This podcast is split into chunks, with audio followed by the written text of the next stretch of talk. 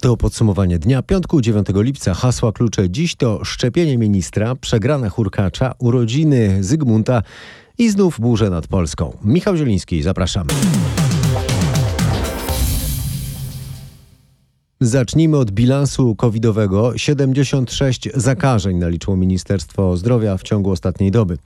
Trwają szczepienia. Resort Zdrowia podał dziś, że odporność na COVID-19 w populacji jest w okolicy 60%. Zaszczepionych jest co prawda mniej niż 40% mieszkańców Polski, ale do tego dochodzą jeszcze ozdrowieńcy, którzy mają wciąż przeciwciała. Minister zdrowia Adam Niedzielski sam przyjął dziś drugą dawkę szczepionki. Bardzo ważna jest druga dawka. Druga dawka, która bardzo podnosi skuteczność procesu zaszczepienia i można powiedzieć, że szkoda e, marnować ten efekt e, przyjęcia pierwszej dawki, rezygnując z dawki drugiej. Ja dzisiaj przyjąłem drugą dawkę, bo tak miałem wyznaczony termin, e, ponieważ szczepiłem się AstraZeneką, więc ten odstęp był stosunkowo dłuższy, ale widzimy bardzo niepokojącą tendencję. E, analizowaliśmy dane dotyczące niezgłaszania się na szczepienie i proszę sobie wyobrazić, że w tym okresie, e, kiedy szczepiliśmy już drugą dawką, to dokładnie pierwszy raz chyba około 27 stycznia była druga dawka po raz pierwszy e, przyjmowana, to od tego okresu do końca maja, do końca maja mieliśmy 8 tysięcy niezgłoszeń na przyjęcie drugiej dawki od 1 czerwca do wczoraj, czyli to jest 40 dni niecałe, tych niezgłoszeń mamy ponad 44 tysiące. Więc tutaj widać, że ten okres wakacyjny, ale prawdopodobnie też okres, że mamy obniżoną liczbę zakażeń, co też powoduje, że to e, poczucie zagrożenia pandemią e, pozornie maleje, no są czynnikami, które oddziaływują na to, że niestety tych niezgłoszeń jest więcej. I ja dzisiaj chciałem moim przykładem pokazać, że to jest bardzo ważne, żebyście Państwo pamiętali o tym, że ta druga dawka jest konieczna do przyjęcia. Przykład dawał minister Adam Niedzielski, a na poparcie swoich słów e, przytoczył też dwie statystyki. Jedną e, z naszego kraju, tylko 8% osób, które przyjęły drugą dawkę, zachorowało. Druga statystyka dotyczy Stanów Zjednoczonych. Tam 90% osób, które zmarły na COVID-19, to były osoby niezaszczepione.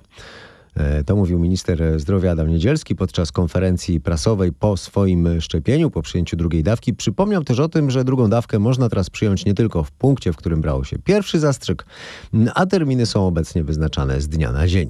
Szef resortu zdrowia yy, powiedział też dziś, że rząd rzeczywiście rozważa wprowadzenie od września nauki hybrydowej w polskich szkołach. E, już przedwczoraj e, pierwsi nieoficjalnie ujawniliśmy te plany rządu. Jest e, taki pomysł na stole, w cudzysłowie mówiąc, który polega na tym, żeby dać sobie ten okres pierwszych dwóch tygodni wrześniowych właśnie na to nauczanie hybrydowe, żeby najpierw jedna grupa, grupa dzieci została w domu i też te powakacyjne ewentualne zakażenia po prostu wyszły na jaw, no bo to musi być kilka dni, żeby no, objawy się pokazały, a wtedy też jest większe ryzyko zakażenia. No i oczywiście zrobić to w sposób hybrydowy bądź e, ewentualnie zdalny, ale raczej z naciskiem na hybrydowe. W kontekście tych obaw przed powrotem e, pandemii, przed nadejściem czwartej fali, nie można nie wspomnieć o tym, że w niektórych krajach na zachodzie Europy dobowa liczba zakażeń znów szybko rośnie. Tak jest między innymi w Hiszpanii, podobnie jest w Wielkiej Brytanii. Większość tych przypadków, zdecydowana większość, e, to skutek e, obecności nowego wariantu koronawirusa nazwanego wariantem Delta. W Polsce wciąż w sumie stwierdzono zaledwie ponad 100 przypadków zakażeń tym nowym wariantem. E, nasz reporter Michał Dobrowicz rozmawiał na ten temat z głównym inspektorem sanitarnym. Pytał, co wiemy o tych zakażeniach. Dzień dobry, kłaniam się. Jedna rzecz jest mocno zaskakująca. Zakażają się osoby, które nie były ostatnio za granicą, a nawet wśród tych 119 przypadków wariantu Delta już potwierdzonych w Polsce są też osoby, i to dużo, e, które nie miały nawet kontaktu z osobą, która wróciłaby ostatnio z zagranicy, to pokazuje, że ten wariant Delta po prostu krąży dookoła, już jest w Polsce. Na szczęście wciąż ta skala zakażeń nie jest duża. Powtórzę, 119 przypadków. Każdego dnia dochodzi kilka maksymalnie kolejnych, tak było do tej pory. Główny inspektor sanitarny Krzysztof Saczka powiedział w rozmowie ze mną, że nie ma też w Polsce dużych ognisk tej mutacji. Generalnie mamy do czynienia z przypadkami indywidualnymi, które w wywiadach epidemiologicznych nie wykazywały historii ani podróżowania, ani kontaktu z osobami, które przybyły z zagranicy, więc to, co już wielokrotnie e, mówiłem, e, no wniosek jest taki, że po prostu w społeczeństwie krąży nam ta mutacja, mamy z nią do czynienia. Natomiast te przypadki, które wychwytujemy, są to osoby, które przechodzą objawowo to zakażenie, przechodzą test, w którym możemy stwierdzić, że doszło do zakażenia. No i w dalszej konsekwencji możemy poddać sekwencjonowaniu czyli dokładnemu określeniu, z jaką mutacją mamy do czynienia. To sekwencjonowanie, jak w tym tygodniu zapowiadał minister zdrowia Adam Niedzielski, ma teraz zdecydowanie przyspieszyć, ma trwać maksymalnie od 7 do 10 dni i w tym czasie ma się okazać, czy ten konkretny przypadek pozytywnego wyniku testu na COVID-19 oznacza właśnie na przykład wariant Delta. Nasz reporter dowiadywał się również e, o to, czy to prawda, że tą mutacją częściej zakażają się dzieci. Tak, e, to potwierdzają obserwacje światowe, ale także polskie obserwacje, bo już w Polsce jest kilka dosłownie przypadków, gdy objawy zakażenia Delta pojawiły się właśnie u dzieci i potem okazało się, że to konkretne dziecko jest właśnie zakażone wirusem SARS-CoV-2 i tą specyficzną mutacją Delta. Jeśli chodzi o objawy, one też w przypadku mutacji Delta są nieco inne niż w przypadku klasycznego COVID-19, tego z Chin sprzed ponad roku, czy brytyjskiej mutacji, o której w ostatnich tygodniach i miesiącach mówiliśmy najwięcej. W mutacji Delta częściej pojawia się ból głowy, częściej Częściej pojawia się ból gardła, częściej pojawia się też katar. Zdecydowanie rzadziej utrata węchu i utrata smaku, też rzadziej dreszcze e, i osłabienie polegające na bólu mięśni. To są oczywiście takie ogólne bardzo spostrzeżenia, ale potwierdzane w kolejnych krajach także przez kolejne przypadki, a jak obserwujemy, wariant Delta już wywołuje bardzo poważne decyzje. Myślę chociażby o tej wczorajszej decyzji związanej z brakiem publiczności w czasie Igrzysk Olimpijskich w Tokio i to pewnie nie koniec, ponieważ ten wariant, wariant Delta jest teraz najmocniej, najpilniej brany pod lupę przez epidemiologów i specjalistów chorób zakaźnych zarówno na świecie, jak i w Polsce. To podsumowanie dnia piątku 9 lipca. Czas na pozostałe tematy. Związek Nauczycielstwa Polskiego ostro krytykuje roboczy projekt zmian w prawie oświatowym. Nie może być zgody na to, że minister chce zawłaszczyć szkoły tylko dla jednej opcji politycznej. Tak mówi w rozmowie z RMFFM prezes związku. Projekt, który znacząco zwiększa uprawnienia kuratorów oświaty, ma dopiero trafić do konsultacji międzyresortowych. Nasz dziennikarz Grzegorz Kwolek e, rozmawiał ze Sławomirem e, Broniarzem i powie, co najbardziej nie podoba się związkowcom. Zapisy w projekcie, które umożliwiają kuratorom swobodne zwolnienie ze stanowiska dyrektora każdej szkoły publicznej. Urzędnicy mianowani przez ministra oświaty mogą też chronić dyrektorów, których chcą zwolnić samorządy. Minister wprost mówi, chce przejąć e, władzę nad e, każdą ze szkół i chce decydować o tym, gdzie i którzy dyrektorzy będą mogli zachować swoje stanowiska.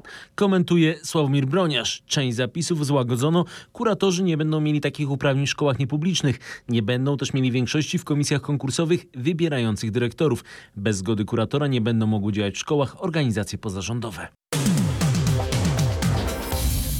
Watykan zbadał zaniedbania dokonane przez arcybiskupa Skworca. Chodziło o sprawę wykorzystywania dzieci przez dwóch kapłanów w czasie, gdy był biskupem tarnowskim. Metropolita Katowicki złożył rezygnację z członkostwa w Radzie Stałej Konferencji Episkopatu Polski, a także z funkcji przewodniczącego Komisji do Spraw Duszpasterstwa Konferencji Episkopatu.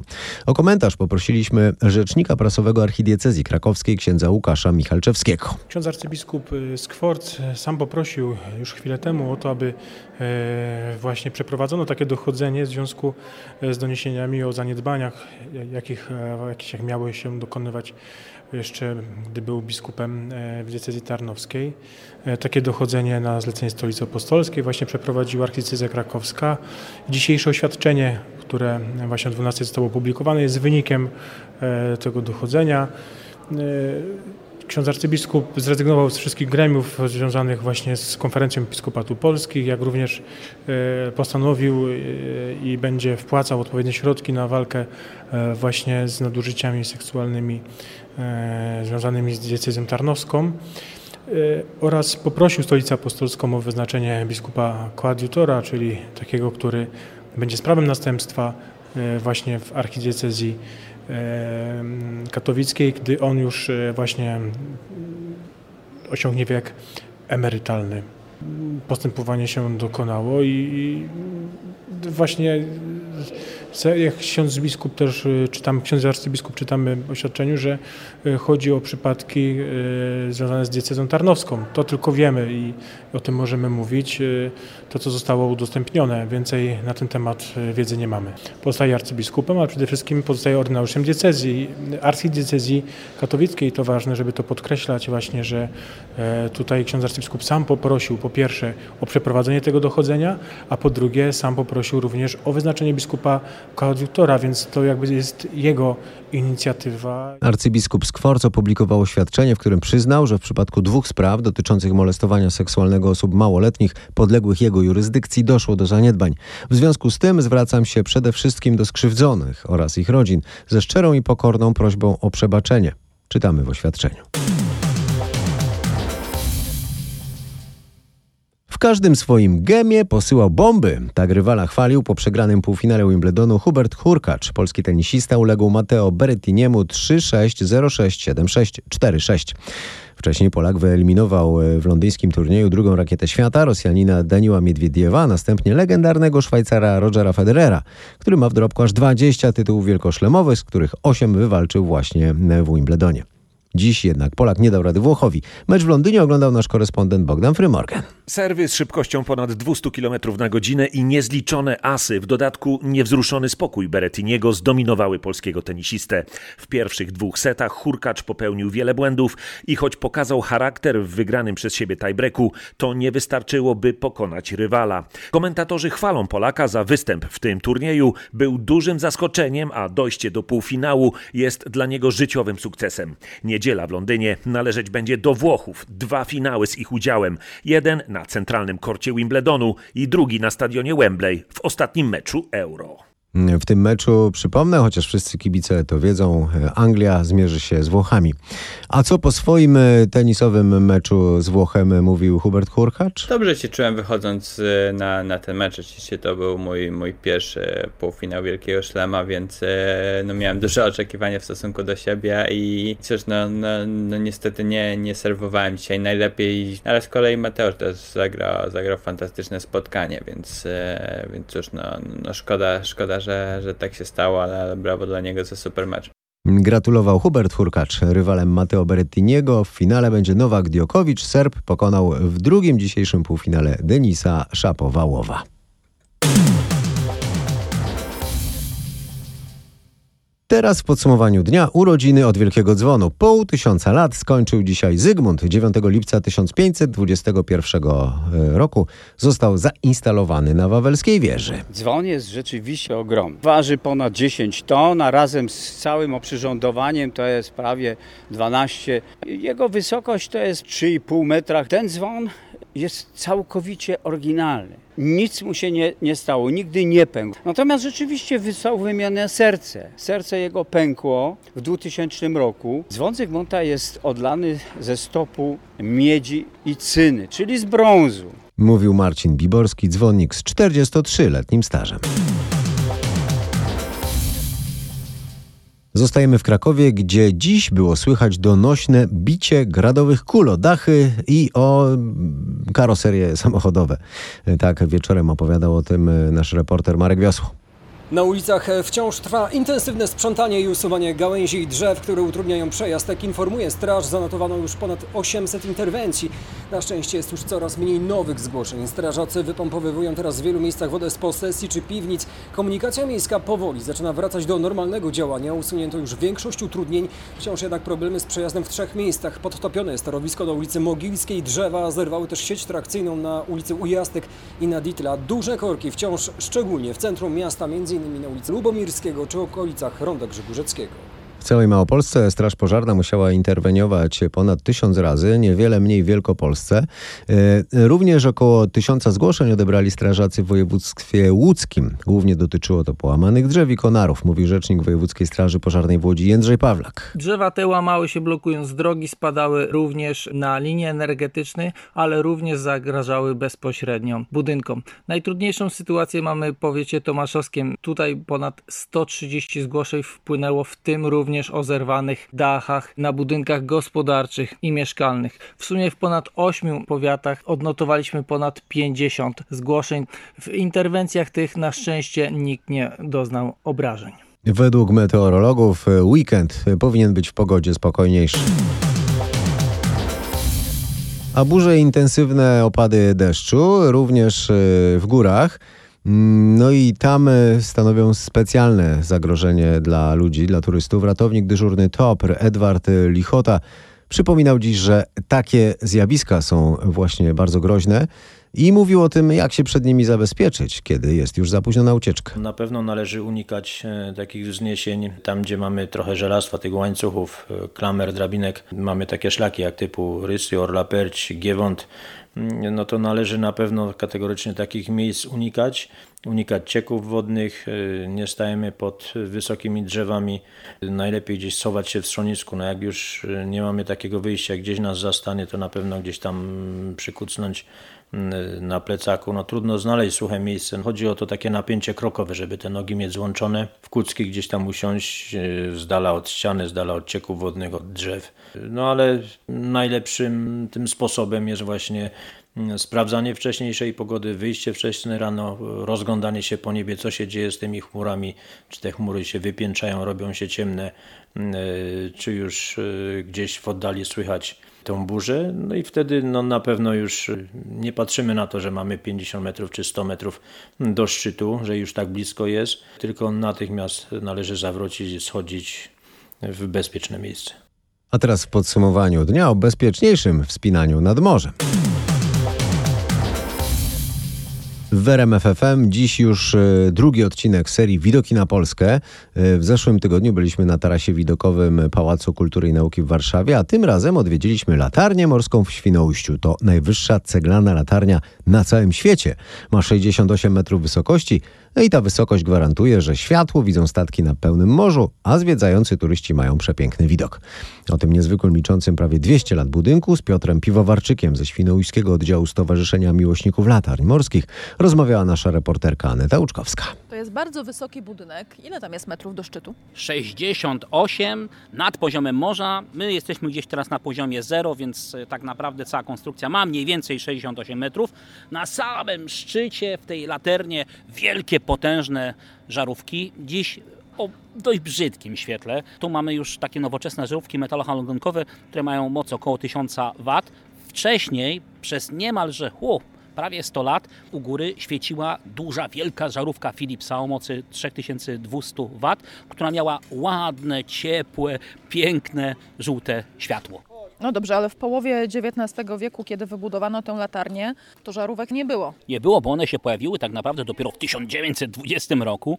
E, Wcześniej e, te światełko, które świeciło, przypomnijmy, na 20 mil, czyli niemalże na 40 kilometrów w głąb morza, to światełko dawała lampa na olej rzepakowy. Uf, Musiała być potężna lampa i potężne ilości oleju. no przede wszystkim knoty, które dawały te ostre światło, grubości mniej więcej y, męskiego ramienia. Raz w tygodniu beczka tego oleju rzepakowego, którą trzeba było wnieść tam do góry na 68 metrów. Oczywiście sama wielka lampa i wielkie knoty y, to za mało, aby świecić na tak dużą odległość, więc potężny, wielki zespół optyczny, specjalna y, soczewka Fresnela Państwo zdają y, efekt tej soczewki z lamp, reflektorów samochodowych, bo to jest ten sam wynalazek, który zastosowano później innymi właśnie w współczesnych reflektorach samochodowych. Latarni morskie nad polskim Bałtykiem oficjalnie mamy 17.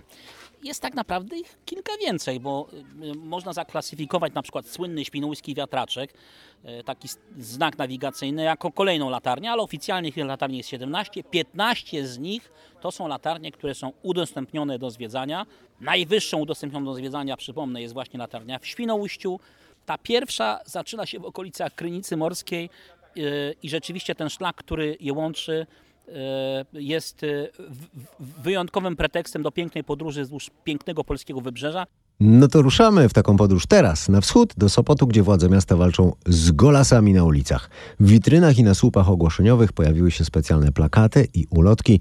To ma być taki savoir-vivre turysty i apel o odpowiednie zachowanie podczas pobytu, mówi Magdalena Czarzyńska-Jachim, wiceprezydent Sopotu. No chyba nie wyobrażam sobie sytuacji, że ktoś idzie na obiad proszony do, nie wiem, cioci, babci czy do rodziców i siada przy stole bez koszulki. Dlatego nie widzę uzasadnienia, żeby w ogródku restauracyjnym, gdzie siedzą inni goście, no także siedzieć przy stole bez koszulki. W restauracji w środku to wypadałoby mieć jakieś ubranie na sobie. Jesteśmy z Torunia i wczoraj spostrzegliśmy, że bardzo dużo bardzo przede wszystkim kobiet. Wszystko zależy od budowy. Czy można popatrzeć, czy też nie? No lato ma rządzi się swoimi prawami, więc tam można trochę ten strój okroić, ale, no, ale bez przesady. Jak zaczynaliśmy tę akcję wiele lat temu, był pewien sceptycyzm, nawet samych gastronomików, no że to się nie uda. Teraz niemal w każdej prawie restauracji czy kawiarni w Sopocie są naklejki. Schodząc z plaży jednak tą koszulkę zakładamy. Moda społeczna, że ludzie nie boją się zwrócić uwagę w sposób kulturalny. Bardzo przepraszamy, ale tutaj obowiązuje taka, a nie inna zasada. Bardziej chyba panowie. Gołe klaty i na boso chodzą. To jest normalny widok w Sopocie latem. No my nic nie możemy zrobić, możemy tylko taki brzuszek podziwiać. To nie każdemu się wiadomo podoba. No Sopot jest specyficzny, bo plaża jakby wchodzi bezpośrednio do miasta, y, czy miasto wychodzi na plażę, więc nie ma tej takiej jakiejś szerokiej strefy buforowej. Edukacja, edukacja, jeszcze raz y, edukacja. Chcemy zapraszać, ale jednocześnie mówić zapraszamy, ale są zasady, które należy w naszym mieście respektować. To nie każdemu się wiadomo podoba. No, jest to takie trochę niesmaczne, prawda? A zwłaszcza jak przychodzi taki pan, siada sobie, wokół niego siedzą ludzie, którzy jedzą może to w jakiś sposób im ten, to jedzenie brzydzić. Naszych polskich golasów w tym sezonie za granicą jest e, pewnie znacznie mniej. Przy wiadomych ograniczeniach podróży zagranicznych e, w te wakacje w RMFFM prezentujemy miejsca, które kojarzą się ze słynnymi zagranicznymi atrakcjami. Dziś odwiedziliśmy polską Prowansję. To ogród pełen lawendy w podkrakowskim Ostrowie. Trzeba niestety wykonać jedno bardzo ważne cięcie, to jest takie cięcie wiosenne, takie cięcie pielęgnacyjne. Trzeba podejść do każdego krzaczka, a jest ich około 20 tysięcy i każdego z osobna podciąć. Można powiedzieć, że jest magiczna, bo kwitnie przez chwilę. To nie jest okres kwitnienia od wiosny do jesieni, tylko to jest w sumie miesiąc kwitnienia. A poza tym ma niespotykany kolor, taki rzadki w przyrodzie. Widać dużo sesji zdjęciowych. Bardzo cieszą takie zdjęcia, właśnie jak tutaj widzimy, y, fotografuje się pani w ciąży, za rok przyjedzie z małym dzieckiem, a za dwa lata z większym, ale może i z następnym w ciąży. Także są takie osoby, które przyjeżdżają cyklicznie co rok i mają zdjęcia w lawendzie. Dlaczego warto mieć lawendę w ogrodzie albo w swoim domu? Po pierwsze, lawenda odstrasza trochę, troszkę odstrasza owady, czyli odstrasza kleszcze, odstrasza y, komary, przyciąga te owady pożyteczne, czyli wszystkie pszczoły, czmiele, y, ćmy y, i również motyle, to zresztą widać na polu. Poza tym lawendę można wykorzystywać na wiele różnych sposobów. Można sobie ją ściąć i lawenda się świetnie zasusza i możemy się nią cieszyć przez cały rok a również wykorzystać ją kulinarnie do robienia ciasteczek, do zrobienia soku lawendowego, dodania do miodu i ten miód się aromatyzuje przez to. Można również y, wykorzystać do robienia kosmetyków, jakichś soli, y, kąpieli, peelingów, na wiele różnych sposobów. Mówiła Barbara Olender, współzałożycielka ogrodu. Te lawendowe ogrody możecie zobaczyć z lotu ptaka dzięki naszej stronie w internecie rmf24.pl. To wszystko dziś, to co ważne i ciekawe w ciągu ostatnich 24 godzin, w 24 minuty w podsumowaniu dnia, które wraca w poniedziałek.